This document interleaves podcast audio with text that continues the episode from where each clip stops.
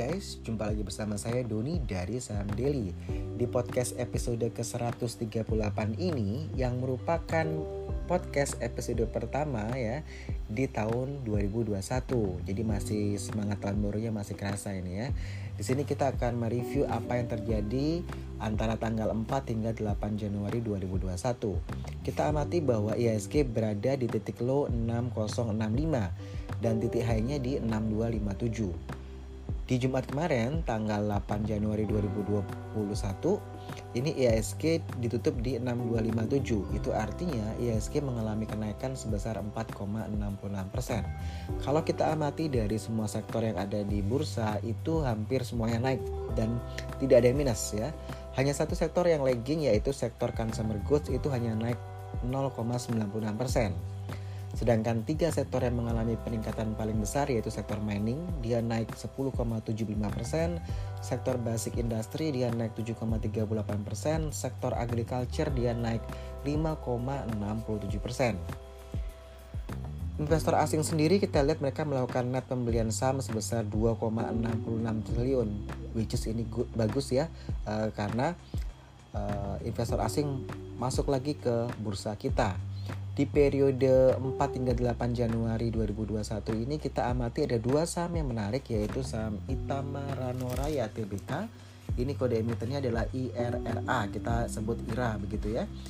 Selama tanggal 4 hingga 8 Januari 2021 itu harga saham IRA ini mengalami kenaikan 85% dari harga 1.600 ke harga 2.960 saham IRA ini mendapatkan sentimen positif terkait masuknya vaksin ke Indonesia ya di mana tanggal 13 Januari 2021 direncanakan bahwa Bapak Presiden Jokowi akan disuntik vaksin COVID-19 ya.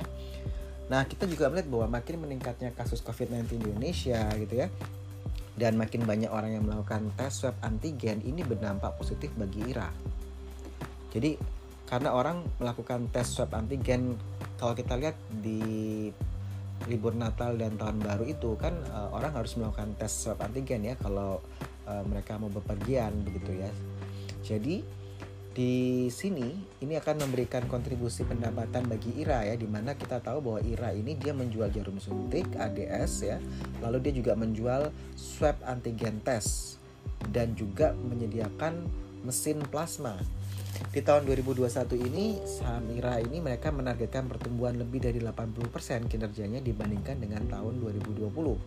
Kalau di tahun 2020 kita lihat bahwa pertumbuhan kinerja IRA ini melampaui target dari yang semula hanya 20% ditargetkan, eh dia tumbuh hingga di atas 50% di akhir tahun 2020. Jadi wajar ya kalau kita lihat bahwa market itu mengapresiasi harga saham IRA. Selama enam bulan terakhir, saham IRA ini harganya mengalami kenaikan 443% dari kisaran harga 505 hingga ke 2960. Ini yang hold sudah cuma lebar ya, kita bilang ini multi bagger.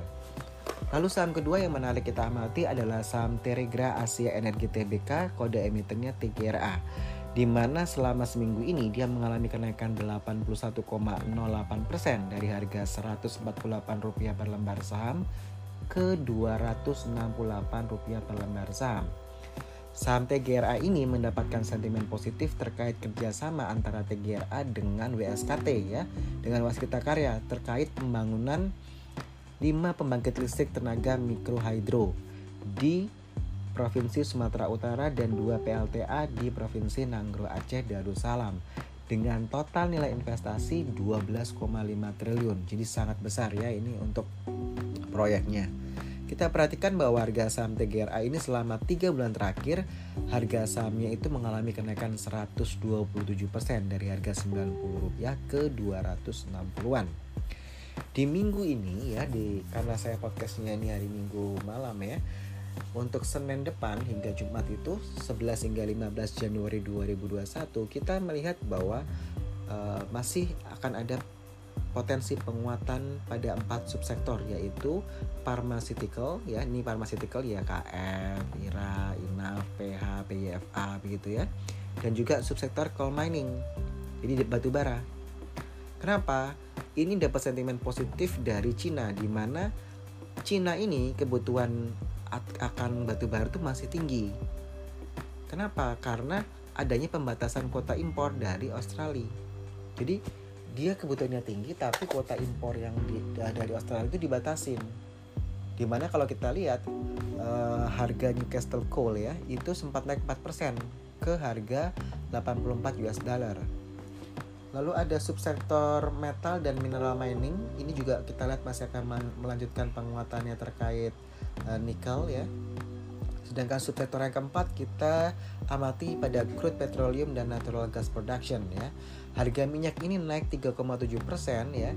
Uh, yang oil BTI ya, ini di harga 52,72 Naiknya harga minyak ini karena negara Arab sendiri itu mengurangi produksi minyak sebanyak 1 juta barrel per hari. Jadi tidak heran ketika saham Medco dan saham Elsa itu mengalami peningkatan ya.